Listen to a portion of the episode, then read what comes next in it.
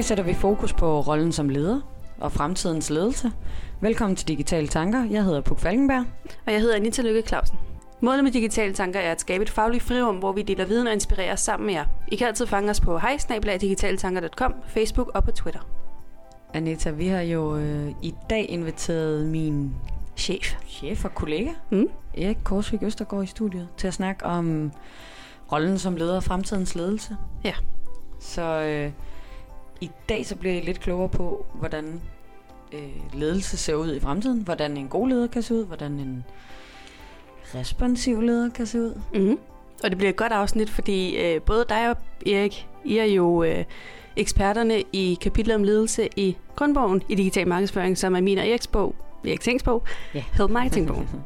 Lige præcis. Og vi starter også med at snakke om, at Erik udkommer med en bog mm. lige om lidt. Mm. Når I lytter til det her afsnit, så er der 4-5 dage til bogen udkommer, mener jeg. Ja. Og øh, den starter vi med at tage udgangspunkt i, og så kører vi den lidt over på, at vi jo også er millennials. Og at vi står på det der dørtrin til at blive ledere. Mm. Ja, så vi jo allerede nu siger, at hvis man vil have noget videre læsning herfra, Ja. så kan man finde Help Marketing-bogen, hvis man vil læse mere om ledelse i Mhm. forhold til markedsføring i organisationen, og man Mhm. kan finde Eriks bog Ja. om den respektive leder. Ja. Lige om lidt, vel? Lige om lidt. Altså, der, vi ligger øh, links i show notes, som også gerne skulle virke, når bogen er udkommet. Ja. Så kan man, så kan man finde det der, hvis man hører episoden senere. Mm.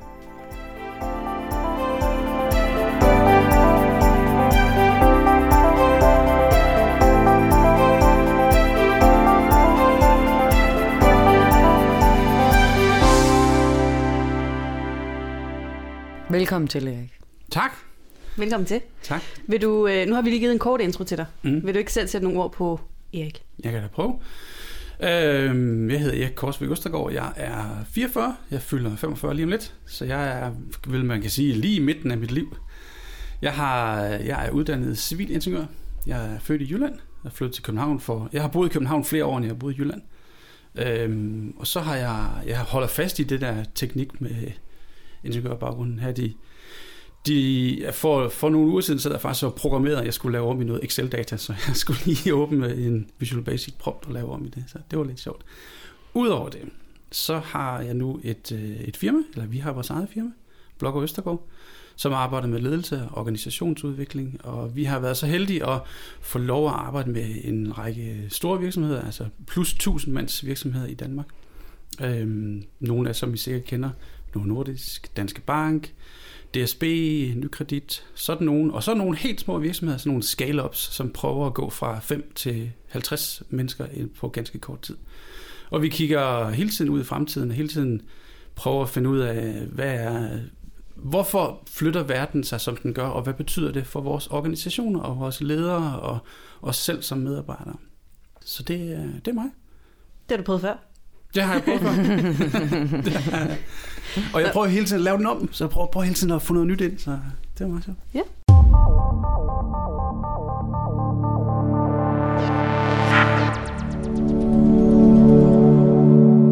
Nu ved jeg ikke, om du egentlig har sådan en øhm, intro til vores idé til podcasten. Men det startede jo lidt med, at altså, mig og Pukke, vi er millennials. Vi står lidt der i vores liv, hvor vi står lidt sådan på dørtasken til at skal være ledere. Øhm, Øhm, givet tidspunkt.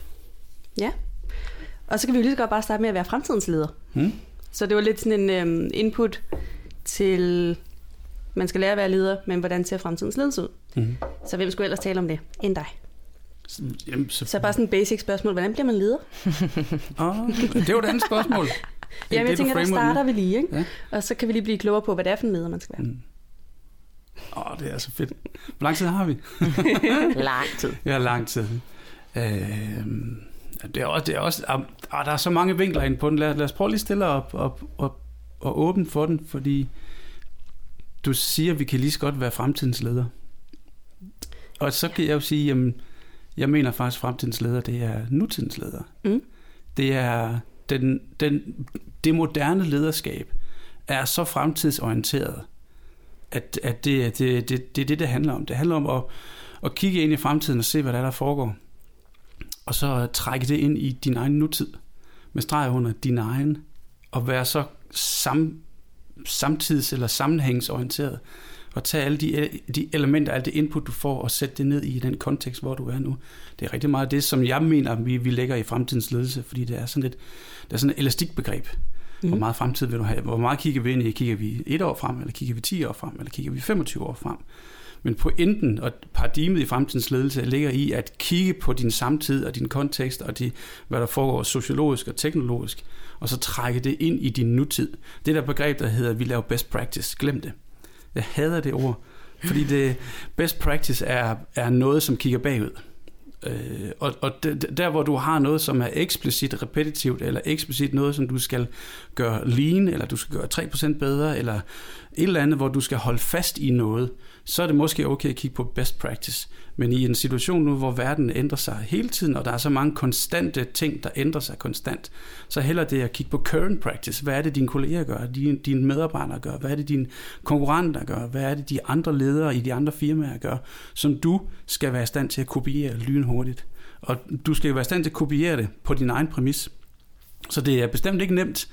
Øh, den måde, som øh, måske vores forældre eller vores eksisterende ledere rundt omkring i virksomhederne er blevet opdraget på gennem, de har gået på DTH eller DTU eller på CBS, eller hvor de har fået deres, deres ledelsesopdragelse. Det er meget baseret på, sådan plejer vi at gøre. Mm. Og det der plejer, det er i så stærk opbrud, og der kommer nogle nye øh, regler, og nogle nye roller og nogle nye øh, adfærdsmønstre, som er baseret på current practice. Så det er det, jeg mener med, når vi kigger i fremtidsledelse, at det også er en nutidig vinkling, at bestemt en nutidig vinkling på det. Giver det mening? Mm. Det giver mening. Ja, og jeg sidder også og tænker på, altså i forhold til best practice og current practice, det er jo også, hvis vi skal oversætte det til lidt noget af de her digitale tanker, vi altid snakker om, hvis du sidder og kigger bagud og kigger, hvordan var det, vi gjorde på Facebook for to år siden, så er det jo ikke det, du gør nu. Nej. Og det kommer ikke til at virke. Nej, det er også det, jeg tænker, at det som jeg i hvert fald har læst på universitetet om ledelse, sikkert også dig, det er meget... Øh, det er meget gammeldags i forhold til, hvad jeg tænker, vi får brug for i fremtiden. Mm. Så derfor, det, det er også derfor, jeg sagde, at vi kan lige så godt blive fremtidens ledere, i stedet for at sige, når vi lærte noget om nogle gamle teoretikere engang, så det er den type ledere, vi skal være, og se på organisationen i de der helt gamle, firkantede rammer. Mm. Så det var det, jeg mente med, at vi kan lige så godt blive fremtidens ledere. Ja. Mm. Få de gode vaner med fra starten, i stedet for at sidde og få dårlige vaner. Mm. Jeg siger, det, det, det er faktisk en rigtig god pointe, det der med at være opmærksom at være, at være konstant sulten også på din historik, fordi ja, de gamle, de gamle folk, der har lavet en masse ting, har jo lavet det på baggrund af den kontekst, som de har været i, og har haft ret, og har ret mm. under den præmis. Og så er det at finde ud af, hvad det er for en præmis, man så er i nu, hvad det er for nogle parametre, der har flyttet sig siden da, og hvad man så tager med fra sådan nogle koryfærer, som jo har ret på sin præmis, og det der øh, skred, som der er i, øh, i forskellige trends, skal man så overføre og plukke fra. Så det er, det, hvis, hvis det er den teoretiske tilgang, så er det, så er det den vej, man skal gå. Ja, det er mm. rigtigt. Konstant nysgerrig, det er, det er et budskab. Ja, jeg skulle lige til at spørge, jeg ved godt, der ikke er sådan en one size fits all heller ikke inden for ledelse, men mm. nutidens leder, mm. hvad er det vigtigste, man skal kunne? Mennesker. Fyre dem, eller spare med dem, eller udvikle dem, eller slå ned på dem? Forstå dem forstå dem, hjælpe dem, øh, arbejde sammen med dem, skabe relationer, skabe bånd, skabe tryghed. Det er øh, people first, kan jeg se, er et af de mantraer, som de ledere, som jeg har arbejdet sammen med og set være de bedste ledere, det, det står øverst på deres liste. Ikke at de måske er bevidst om det, men når vi har talt om det og haft de lange samtaler, så er det det, der kommer frem hele tiden. Det er den forståelse af mennesker, øh, øh, og deres, øh, deres emotionelle intelligens og deres øh, spejlneuroner og alt det, som gør, at de skaber noget omkring sig, som er trygt, og hvor folk gider at være, hvor folk gider at møde op på arbejde. Det er det, som, som de gør. Så det, øh, man skal ikke fornægte teknologien. Tværtom, så skal man se den som øh, en, en, en udvidelse af, hvad du kan. Men teknologien og brugen af teknologien er en platform for at få mennesker til at stortrives. Så det, det, hvis der er en ting, man skal hive frem, som vi kommer til at arbejde med de næste 5-10 år, så er det den forståelse af, hvordan vi gør mennesker til, øh, til superstjerner. Mm. Nu er det måske øh, ikke lige den vej, vi skal ned af, men der er jo, nu, jeg ser meget Black Mirror og sådan nogle ting, og der er jo allerede sådan en snak om, at du kan jo få en chip ind i alle de medarbejdere, så kan du se, om de sover nok, om de er stressede, om de får spist nok, om de får drukket nok vand, om de, øh, hvordan de lever, om de er sunde nok som mennesker. Er det, sådan, er det den vej, vi skal for at kunne øh, lede dine medarbejdere bedst, eller er det lidt for meget i forhold til at overskride grænser? Ja, det vil jeg slet ikke gøre. Jeg, jeg vil ikke gå den vej. Du skal jo ikke ind og kontrollere folk. Ja? Mm. Du, skal, du skal skabe et sted, hvor folk de gider møde op. Så hvis du, hvis du som hvis du som leder sidder med nogle talenter, og jeg havde en case her for, på, for et par måneder siden, tror jeg, hvor jeg, jeg, der var en, der spurgte mig, hvad skal vi lave sådan nogle fastholdelsesprogrammer? Jeg kan jo godt lave sådan nogle, øh, hvor jeg gerne vil, øh, vil give dem aktieoptioner, og jeg vil gerne gøre alt muligt, hvor de så kan øh, føle sig forpligtet til at være, nej, det er den helt den forkerte vej. Hvis du har nogle, øh, nogle, nogle talenter, som er på vej væk, og du ikke kan holde på dem, jamen, så er det sikkert fordi, at de vil noget andet, end du vil. Så hvis du i stedet for fokuserer på at, at bygge en kultur, som er skidegod, så vil de sikkert komme tilbage igen. En af de, øh, en af de virksomheder, som jeg selv har arbejdet i, og som også er en case i, øh, i den bog, som kommer her til foråret, lige om lidt faktisk, Lige om lidt. lige om lidt, er proaktiv. Og proaktiv har bygget en kultur, hvor hvis der er fem, der forlader den, så er der tre, der kommer tilbage igen. Det er ret vildt. Og de laver ikke de der fastholdelsesprogrammer. De laver en, en kultur, hvor man siger, det er fint, du må gerne gå ud og, og prøve noget andet. Du må også gerne komme tilbage igen, fordi vi ved, at vi gør det på, på en måde, hvor du, hvor du, hvor du trives henne. Mm. Hvad betyder et fastholdelsesprogram? Det er for eksempel... Altså, hvis hvad kan jeg, du indeholde? Fordi jeg godt gå ud, at det får, at medarbejderne ikke skal smutte. Ja. Ja. Men hvad vil man gøre? Ja, det kan for eksempel, at øh, hvis jeg nu sponsorerer en MBA til dig, så giver jeg dig 300.000, så du kan få den MBA. Mm. Øh, under den præmis, at du bliver i den her virksomhed i fem år. Okay, så det er en aftale, man laver, at så må du ikke se op i fem år. Der er også Og nogen, hvis der... du gør, så er, der, så er der en eller anden bøde i det, Mm. så skal du selv betale de 300.000 plus et eller andet oveni, og det er helt, helt klassisk. Eller du kan få... Øh, du kan få aktier i virksomheden, du kan få øh, 3% eller 10% af virksomheden, under den præmis, at du ikke forlader virksomheden inden for 10 år. Og det er helt, helt klassisk. Der er ikke noget, noget specielt i det. Det er en, en måde at fastholde dine din, øh, øh, din kompetencer og dine din medarbejdere. Og så du har et brand, et konstant, kontant brand i, i lang, lang tid. Det er, det er en helt klassisk måde at gøre det på. Det lyder lidt gammeldags.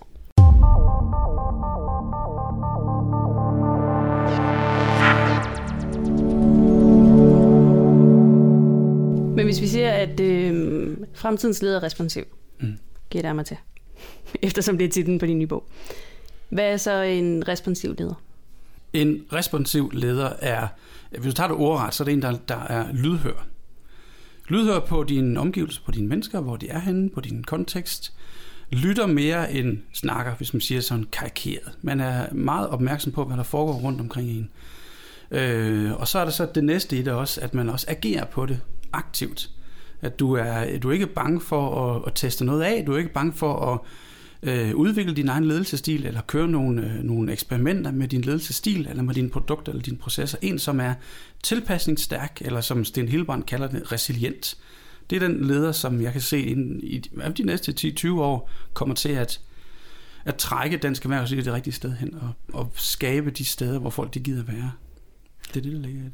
Det lyder som om, man skal kunne rumme mange ting, både fagligt og personligt, altså ens kompetencer, Mm. mm. for at kunne være lydhør over for så mange forskellige ting. Det skal du også. Du skal noget andet end, øh, end du skal kunne, nej ikke noget andet, du skal kunne nogle flere ting, øh, end hvad man som klassisk leder har skulle siden øh, de sidste 10, 20, 30 år. Du skal kunne, og nu skal vi have noget ned i øh, show notes. Fordi der, er, der, er, der, er, øh, der er fire områder, som man skal mestre som leder, eller man kan mestre, og det hedder den her pizzamodel, som består af øh, en, en, det består af fire pizza slices. En del, som handler om forretning, forretningskundskab, markedsforståelse, processer, værdiskabelse i, i din forretning. Altså kend din, dit forretningslandskab og din forretningsmodel.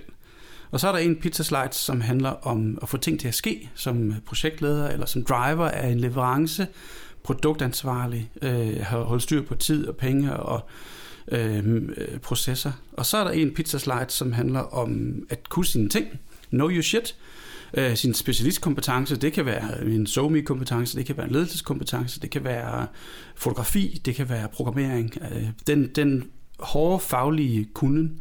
Og så er der en pizza slides, der handler om, øh, om mennesker, om omsorg og trivsel og motivation. Og som leder har man i, i, i gamle dage, så skulle man så skulle man mestre alle fire ting, sjovt nok. Fordi når man, som, øh, hvis man var dygtig specialist, så fik man også det vide efter nogle år, kan du ikke, ikke lige også køre det her projekt? Og så fik man vide efter nogle år, kan du ikke lige også køre den her afdeling? Og så fik man egentlig flere og flere af de her pizzastykker øh, et, ind på sin egen tallerken og skulle mestre det hele. Og der er nogen, som, øh, øh, så på den måde er blevet forfremmet til inkompetence, fordi de har fået mere og mere på deres tallerken, som de enten ikke har mestret eller ikke har lyst til at mestre. Det, der sker nu, er, at sjovt nok, så nogle af de her pizzastykker, de i en, en verden, hvor, øh, hvor vi arbejder med distribueret lederskab, og vi arbejder med flade organiseringer, så skiller de her pizzastykker sig ad i, i, på flere tallerkener, hvor man som leder enten får den pizzastykke, som handler om at få ting til at ske, altså at man er produkt- eller projekt- eller leveranceorienteret head of delivery, eller hvad man nu har som kompetence. Og så er der en vinkelret derpå, som hedder head of mennesker, om man så må sige, hvor du har med, med HR-funktionen at gøre, eller, eller din, øh, dit team at sikre trivsel omkring det, og sikre forretningsforståelse. Så den splitter ligesom op i to. Og det spøjs er så, at det, den, hvis jeg nu taler om afdelingslederen, den som har det øh, ansvaret for mennesker, den forståelse og den kompetencemængde, den bliver, den bliver kæmpe, kæmpe stor nu. Den vokser i forståelse med netop med øh, øh, jernvidenskab og motivationsteori og sociologi og alle mulige andre kompetencer, øh, som man skal mestre som, øh, som leder. Så på den ene side, så bliver de øh, skillsområder, man kommer til at mestre, de bliver færre, men inden for det område, man så har, der skal man have en kæmpe, kæmpe dybde, og man skal have en bredde, som er en generalistbredde. Et eller andet sted over på, nu vender jeg mig om i, i vores lille kontor, der står The New Generalist. En bog her. Af Kent Mikkelsen og Richard Martin, som skal ned i show notes, som netop beskriver den ledelsesform, øh, eller nej, som beskriver den mennesketype, som vil være den, den fede leder i fremtiden, som er en, en generalisttype, som også har forståelse for kunst og musik og samfundsformer og antropologi og alle mulige ting, som er meget, meget bred. Så det er, det, Puk, du har helt ret, det er, det er meget bredspektret, det man skal kunne i fremtiden. Jeg tænker bare, at man kan måske godt sidde og tænke, okay, altså helt mist pusten og tænke, shit, jeg har noget at arbejde med. Mm. Øh, men altså for også lige at, at øh, kommentere på noget af det, du siger. Øh, I den bog der, The Neo Generalist, der, da jeg læste den, der gik det også op for mig det der med, på uni, der snakker man meget om, om man vil være specialist eller generalist. Men måden, som de stiller det op på den i bogen, det er som sådan et øh, evighedstegn, og at du bevæger dig rundt. Specialisten er i den ene ende, generalisten er i den anden. Og du bevæger dig ligesom rundt imellem den i løbet af din karriere, så man går også fra at være, være i forskellige roller, og det er jo så det med, at dem, der kan mestre den bevægelse, også Lige præcis. Nu viser jeg ikke den. Mm. Ja, det, det er så fedt at være i radioen, ikke? Jeg holder lige noget op til ja. ja, det er lige præcis den bevægelse rundt, der, der også er den fede, synes jeg. Mm. Øhm, noget andet er så også den pizzamodel, du snakker om. Mm. Det var noget af det, som jeg undersøgte, da jeg var på God Arbejdsløst uddannelsen, hvor jeg jo brugte blandt andet Anita og øh, nogle andre piger i et netværk til at høre, hvordan var deres ledere, og hvad ville de helst have ud af deres ledere. Og så skulle de jo faktisk svare ud fra pizzamodellen. Og flere af dem havde sådan en forretningsprojektorienteret leder, øh, men de manglede faktisk alle sammen en, der var mere øh, på the human side, og en, som, øh, som også var, var fagligt stærk. En, de fagligt kunne se op til. Og det øh, tilskrev de flere af dem, at det var fordi, de var nye på arbejdsmarkedet, så de havde brug for en, de fagligt kunne se op til, samtidig med, at det var en, der kunne finde ud af at coache dem og mentor dem og tage sig af dem, som mm. øh, de mennesker, man nu er på arbejdspladsen. Mm. Øh, så det, det er sådan lidt sjovt. Jeg tænker også, det bevæger sig lidt i løbet af arbejdstiden, hvad man har brug for ved en leder i forhold til pizzastykkerne. Ja, jeg tænker lidt af den måde, som man måske bliver onboardet, eller måske mangel på samme, som leder i dag. Øh, jeg ved ikke, om den processen er helt på plads, eller om den er der rigtig mange steder. Fordi når du sidder og siger det der med, at du starter som specialist, og så bliver du øh, en form for projektleder, og så bliver du øh, leder for en afdeling, det er jo, lidt, det er jo faktisk min vej. Det er jo det, jeg er nu. Mm. Men det er jo ikke, fordi vi har sådan en onboarding af, du skal holde mus-samtaler, det vil sige, du gør det her, det her, fordi du bevæger dig i den her, den her retning. Og så synes jeg bare, at jeg hører sam- samfundet snakke meget om det her med, at man tager en masse unge mennesker og giver dem en masse ansvar, som de ikke er klar til, fordi de ikke er blevet onboardet til det. Så og jeg, jeg ved ikke, om det er sådan en øh, organisationsansvar, ens eget ansvar, ledelsens ansvar, det er heller ikke for at give nogen skylden, men mere for at sige, hvad gør man i, i det punkt? Altså, hvordan bliver man selv onboardet, eller hvordan får man onboardet sine unge medarbejdere, hvis de skal til at være ledere? Mm. Oh, det er jo et fedt spørgsmål. Men, altså. Hmm. Det er sådan, sådan et svar, som hedder, det kommer an på. Mm. og, og det fede med, med sådan nogle svar, det er at finde ud af, øh, hvad er det for en parameter, man skal skrue på i den der, det kommer an på sætning. Mm. Ja, for der er vel heller ikke sådan, de her seks trin skal du igennem for at kunne være leder. Nej, lige præcis. Og både i, øh, både i forhold til øh, på et eller andet tidspunkt i den her snak skal vi lige tilbage til nogle af de spørgsmål, de stiller fra starten, fordi vi skal være helt konkrete med, hvad er en, den, den nye leder, og hvad gør vedkommende, og hvordan mm. kommer man til det. Men det, lad os komme til det. Lad os nu blive ved den her onboarding. Hvordan kommer jeg i gang? Nogle steder, afhængig af din kultur i virksomheden, der er der skrevet ned præcis, hvordan sådan et onboarding-forløb fungerer. Mm. Og det, det kan være, fordi det, de er en enorm stor virksomhed, altså plus 10.000 mand, hvor det med fordel kan nej, hvor det kan være fedt at have sådan en, det her kommer til at ske inden for de første 6 timer, 6 dage, 6 uger, 6 måneder. Det kan gøre det rigtig, rigtig trygt. Øhm, jeg kan godt være fan af de der ting. Altså nogle gange så er det fedt, at der er sådan noget hierarki, og der er noget stringent proces, fordi det skaber en tryghed om, at nu er jeg inde på den rigtige bane. Jeg kan, hvis jeg gør det her med sandsynlighed, blive en succes inden for det, jeg gør. Mm. Det kan godt give mening. Det man skal være opmærksom på er, at kun at have sådan nogle hierarkier, sådan nogle processer, kan være en hemmesko i forhold til øh, de radikale udviklinger, som vi også skal kunne foretage, som er vinkelret på det her. Og der hvor du skal, lige præcis den, den responsive leder er i stand til at veksle mellem at være hierarkisk og være netværksorienteret, mellem at være profitorienteret og være formålsorienteret, mellem at være stramstyrende og være løsstyrende. Og det er det, lederen skal kunne. Jo mere man jo mere man har en kultur, som opfordrer til at forstå den her, øh, den her udvikling, den her vekselvirkning mellem her, jo bedre stillet er man for at læne sig selv ind i at skabe for eksempel et onboarding-program. Fordi man også selv bliver opfordret til at sige, jamen, hvad vil du gerne lære, hvad vil du gerne mestre?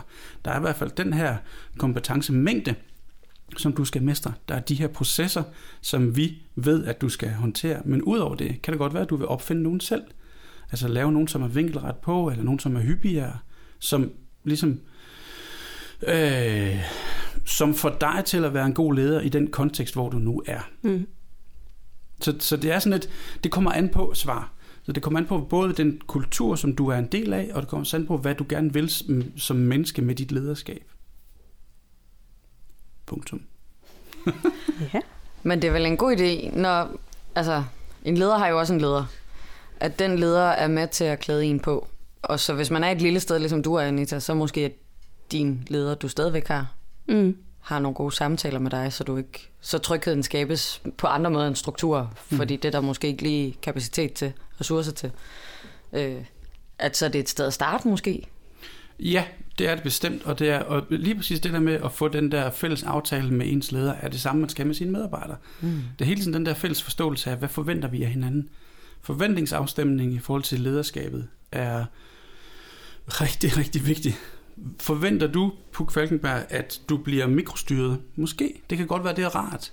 Hvis du skal lø- løse en opgave, du aldrig har løst før.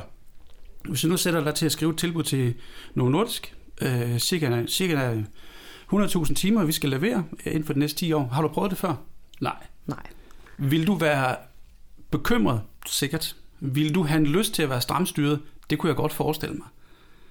På den anden side, hvis du skal lave noget, som du har prøvet rigtig mange gange, så behøver... Redigere en podcast, for eksempel. hvis du hvis du skal lave noget, du har prøvet rigtig mange gange, så behøver jeg måske bare at sige, kan du ikke lige sige, jo, så er du afsted, så har du allerede gjort det, inden vi er ude af døren. Altså, den der fælles forståelse af, hvor meget stramstyring ønsker man, hvor meget support øh, skal man have, hvor meget instruktion, hvor meget motivation, hvor hyppigt skal jeg snakke med dig, det er noget, man både skal have med sine ledere i forhold til sin egen ledergærning, og i forhold til sine medarbejdere i forhold til den måde, som man skal udøve sin ledergærning på. Situationsbestemt ledelse, show notes. det lyder også lidt som om, at det passer meget godt ind i en responsiv leder, det der med, fordi du sagde det der med, at man skal være tilpasningsdygtig. Mm. Mm. Jeg sad lidt mellem dygtig og parat, men sammen sammen, ikke? Øhm, og kunne tilpasse sig den enkelte medarbejder. Mm. Det, er vel, det er vel lidt en del af den responsive leder. Det er det da i høj grad. Altså nu har jeg ikke læst bogen endnu, så øh, jeg gætter mig lidt frem her. Men det er det da i høj grad. Den, den, den responsive leder forstår jo, at enhver, enhver leder skal ledes på sin egen præmis. Og enhver situation er unik. Enhver beslutning er unik. Øh, og der kommer også current practice. Du kan ikke altid læne dig tilbage i best practice. Jo, det kan du måske. Hvis du er en ny leder, og du skal træffe beslutninger, så er det rart at have et opslagsværk og have en quote unquote, en best practice at kigge ned i. Sådan plejer vi at træffe beslutninger om det her. Hvad skal hun have i løn? Det ved jeg ikke, men jeg kigger lige i, hvad plejer de andre at give? Det er meget god. Og så kan du så freestyle derfra. Mm. Det, der så er øh, udfordringen med at være responsiv, det er, at man kan blive flagrende. Øh, det har jeg set før. Der, der er sådan en indkøringskurve. Når folk de begynder at forstå, hvad det vil sige at være responsiv, så går man i den forkerte grøft. Øh, det er klart, og det er sagtens, altså jeg kan sagtens se det ske, fordi det er enormt tiltalende at sige, Puk, du skal ledes på din måde, Anita, du skal ledes på din måde. I har ikke prøvet det her før, eller I har prøvet det her masser af gange før, eller sådan sådan, og konteksten siger. Og så tilpasser jeg mig fuldstændig den måde, som I skal ledes på. Med risiko for, at jeg mister mit, min ægthed, at jeg mister min kerne.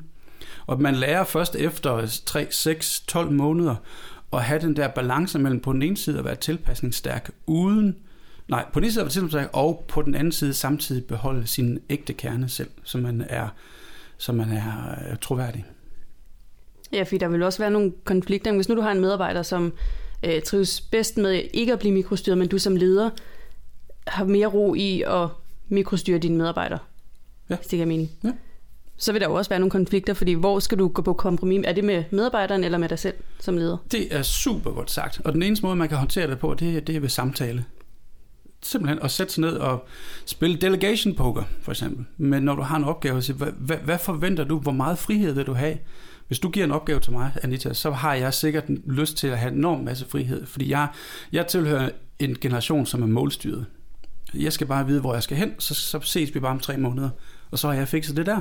Men du har måske et ønske, hvis du er min leder, så har du måske et ønske om at lige at holde mig lige lidt snor og sige, hvor er vi henne?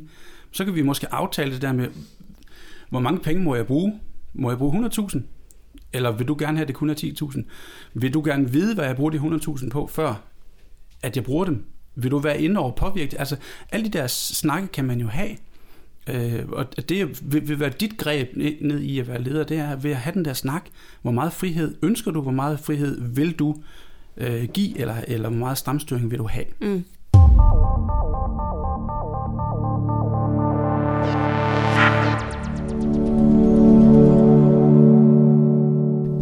Hvad vil det sige at være en leder?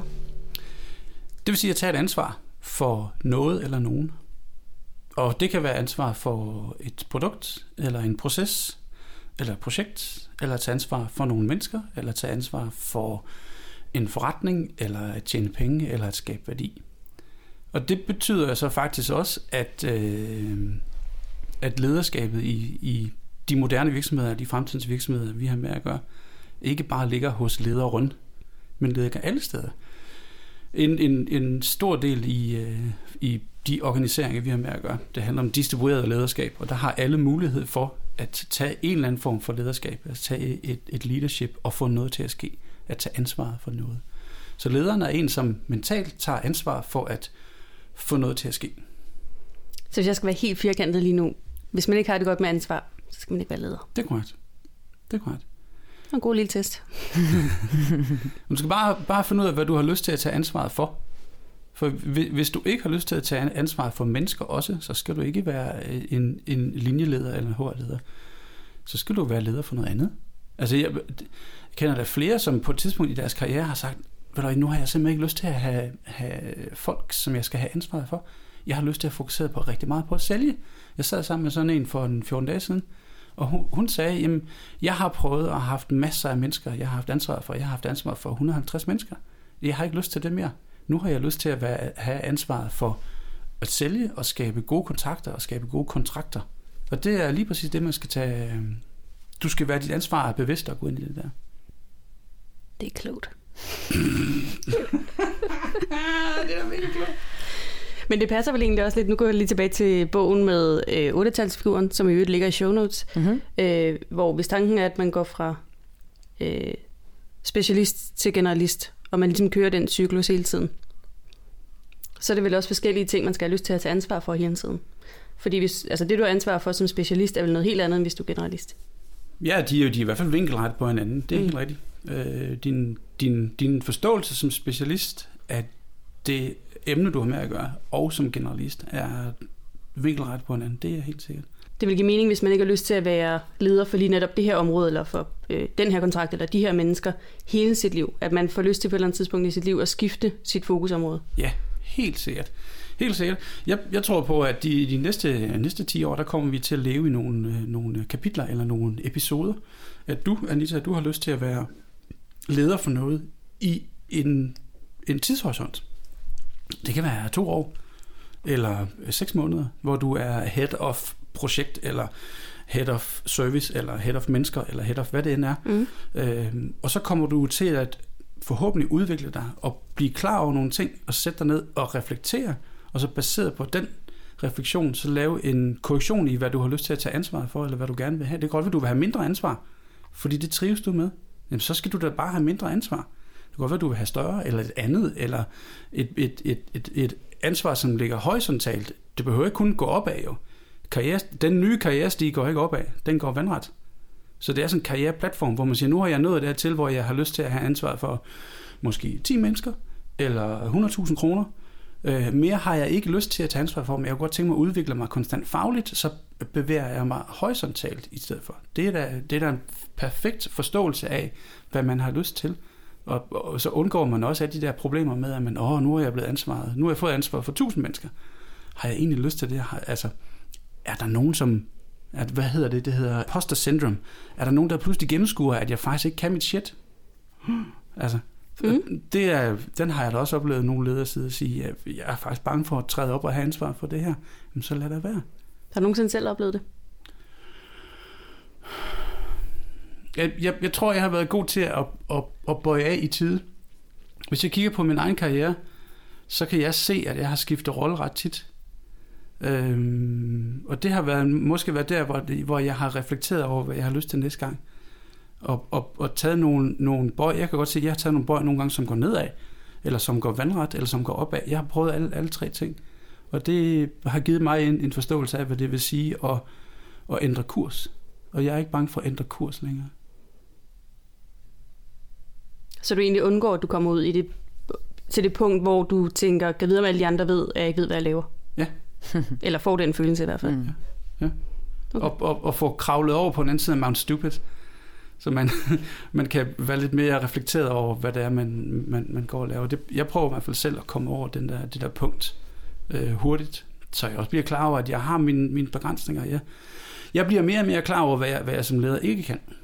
Hvad jeg ikke er god til, og hvad jeg skal undgå at påtage mig ansvar for. Ja, jeg har, lavet, jeg har da også lavet nogle af de der fejl, hvor jeg har påtaget mig ansvar, som jeg ikke burde have taget. Og det, det lærer man af. Nu, nu sidder jeg, nu trækker jeg min pibe frem og taler af de, en af de gamle, men jeg har, jeg, jeg, jamen, jeg har lavet masser af fejl, jo. Men man skal vel også derud, hvor man anerkender, at det her kan jeg ikke finde ud af. For du kan ikke sige det på forhånd til, at det kan jeg ikke finde ud af. Hvis du ikke har prøvet det, så ved du det ikke rigtigt. Nu Nej. føler jeg mig lidt som Pipi. Men Ja. ja. Ja. Ja, men jeg, jeg, jeg tænker lige også pibi. Men det, det, er der, det er der rigtigt. Nogle steder kan man godt se, at det her, det kommer jeg til at være underkvalificeret til. Mm. Men nogle gange går det først op for en, når man står i det der shit, og man står foran styregruppen og skal præsentere noget, og man kan bare se, at okay, det her har jeg bare ikke styr på. Og jo, mm, jeg oplever, at jo flere kilometer man har i benene med hensyn til lederskabet, jo bedre bliver man til at sige, det her ved jeg ikke, det her forstår jeg ikke, det her tør jeg ikke tage ansvaret for. Og det er altså fedt at se de der ledere stå og sige, nu har jeg nået min kompetencegrænse, eller min grænse til, hvad jeg har lyst til at tage ansvaret for nu. Det må en anden gerne tage for mig. Det er altså flot at se sådan en leder gøre det. Mm. Det er flot at se, at alle gør det. Ja. Og med den flotte øh, opsummering lige kort, så øh, tager vi lige et lille break, eller det vil sige, at vi har valgt at dele den her episode i to. Det er simpelthen fordi, at Erik ved så meget og siger så mange kloge ord. Ja, eller, eller bliver, bliver jeg ved med at væve om det. Så øh, det her, det var del 1, Mm. og øh, del 2 skulle allerede gerne ligge i din podcast-app med det samme. Oh, kan, jeg, kan jeg nå hen kaffe? Du kan nå at hente kaffe. Fedt.